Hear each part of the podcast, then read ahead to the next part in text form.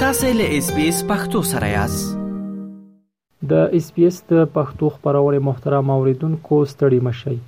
رحیم الدین وړیا خیلم له افغانستان تاسو ته د افغانستان او سیمې د تیریوي ونې مهمه پیخي وړاندې کوم هیله ته چې تر پای مې ملتیا وکوي اروپאי ټولنې د تیرې اونۍ د یک شنبه په ورځ له افغان ماشومانو څخه د ملاتړ په پار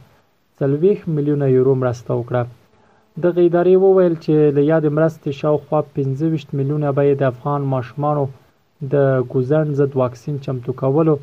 او پاتې پنځلس میلیونه یورو هغه به یې تر ډېره پورې په افغانستان کې د ماشومانو د ملاتړ په برخه کې ولګول شي. ټاکل شوې دغه پیسې په افغانستان کې د ملګرو ملتونو د ماشومانو د صندوق یا یونیسف له لوري ولګول شي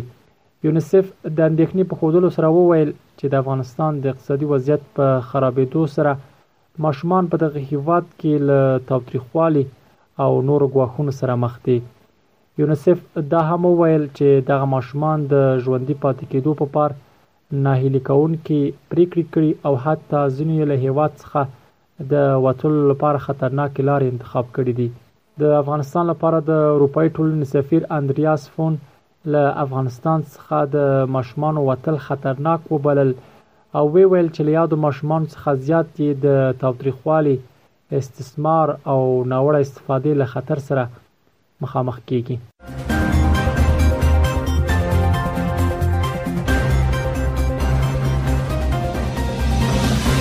تېره اونۍ د سې شنبې په ورځ د نامعلومو وسلهوالو له لوري د افغانستان له خاورې څخه د ازبکستان هېواد په جنوب ختیځ کې په یو سرحدي ښارګوټي پنځه توغندي توغول شوي. د ازبکستان د بهرنیو چارو وزارت رسنیو ته وویل چې دغه توغندي پر ترمذ ښار کې ولګېدل چې یوازې څلور کورونه ته یې زیان واړوه. دې وزارت همداراز وویل چې چارواکي له افغان لوري سره د دې پېښې په اړه څېړنه کوي چې علت یې معلوم کړي. خو په تېر اپریل میاشت کې داعش ډله ادعا کړې وه چې پر ازبکستان یې څو توغندي ایستلي دي، خو هغه مهال د ازبکستان د بهرنیو چارو وزارت دغه ادعا ناسمه وبلله. اخوا بیا د طالبانو د سرپرست حکومت ویاند ذبیح الله مجاهد له دې پېښې وروسته پر خپل ټویټرپاڼه لیکلي وو چې د افغانستان له خاورې شریرو کړیو د دواړو هېوادونو ترمنځ د بې باورۍ د رامنځته کولو په پار توغندي ویشتي دي. هغه په دې برخه کې ازبکستاني لوري ته ډاډ ورکړ چې د دوی حکومت به د دې برید عاملان ونیسي او سزا به ورکړي. ازبکستان چې د پخواني شوروي اتحاد یو جمهوریت و،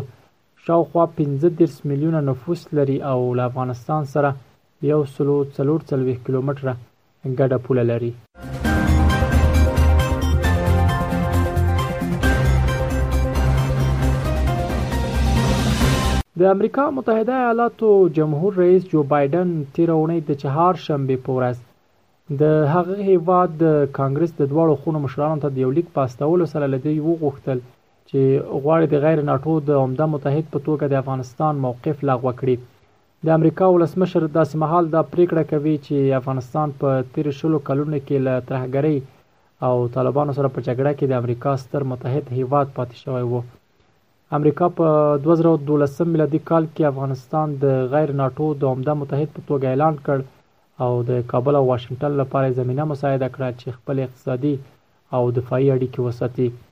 د امریکا د بهرنیو چارو وزارت د معلوماتو له مخې د افغانستان د دې موقف په لغوه کېدو سره به متحده ایالات د غیر ناټو اتلس عمده متحدین ولري چې ارجنټاین، استرالیا، بحرین، برازیل، کولمبیا، مصر، اسراییل، جاپان، کویټ، مارکیش، نیوزیلنډ، پاکستان، فلپین، قطر، جنوبي کوریا، ټایلنډ او تونس دي.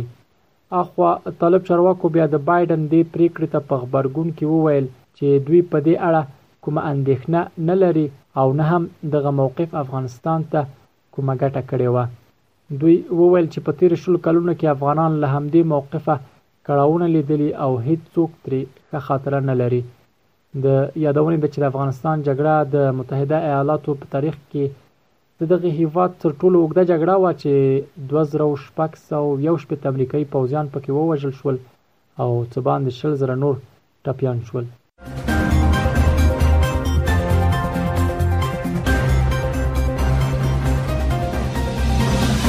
د وسلهوالو طالبانو مشر ملا هیبت الله اخوندزاده تېره اونۍ د پنجشنبې په ورځ په خپل اختریز پیغام کې وویل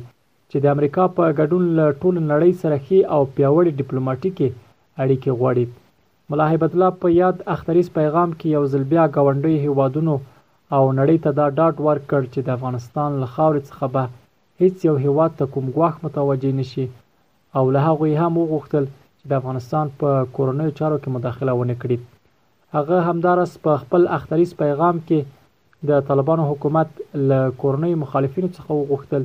چې له وسله وال مخالفت څخه لاس واخلي او د کورنیو او بهرنیو دسیسو ښکار نشي ملا هیبت الله په خپل پیغام کې د افغانانو دیني او عصري زده کړو ته په اشارې سره ویلي وو چې د ښوونې او روزنې بهیر ته خاصه توجه کوي د طالبانو مشر د خپل پیغام په یو بل برخه کې د افغانستان د خلکو ستونزو ته په اشاره ویلي وو چې د طالبانو حکومت دې ستونزو ته متوجه دی او د اقتصاد پیاوړتیا، بیارغونه او د ستونزو حل کول د دوی مسولیت دی. هغه په خپل اختریز پیغام کې د بیت المال ساتنې، له خلکو سره د طالبانو نیک چلند، هیواد ته د راګرځیدلو افغان شخصیتونو سره ژمنو او د شریعت په چوکاټ کې د بیان او د خبریالانو فعالیتونو ته هم اشاره کړې وه د وسله والو طالبانو مشر داسې مهال له ګاونډیو او د امریکا په ګډون له نړۍ سره ښې او پیاوړې ډیپلوماټیکو اړیکو خبره کوي چې همدا یوه اونۍ وړاندې نوموړي بیا د دیني علماو په غونډه کې وویل چې نه غواړي د نړۍ فشارونو ته تسلیم شي او کوم تعامل ته غاړه کېږدي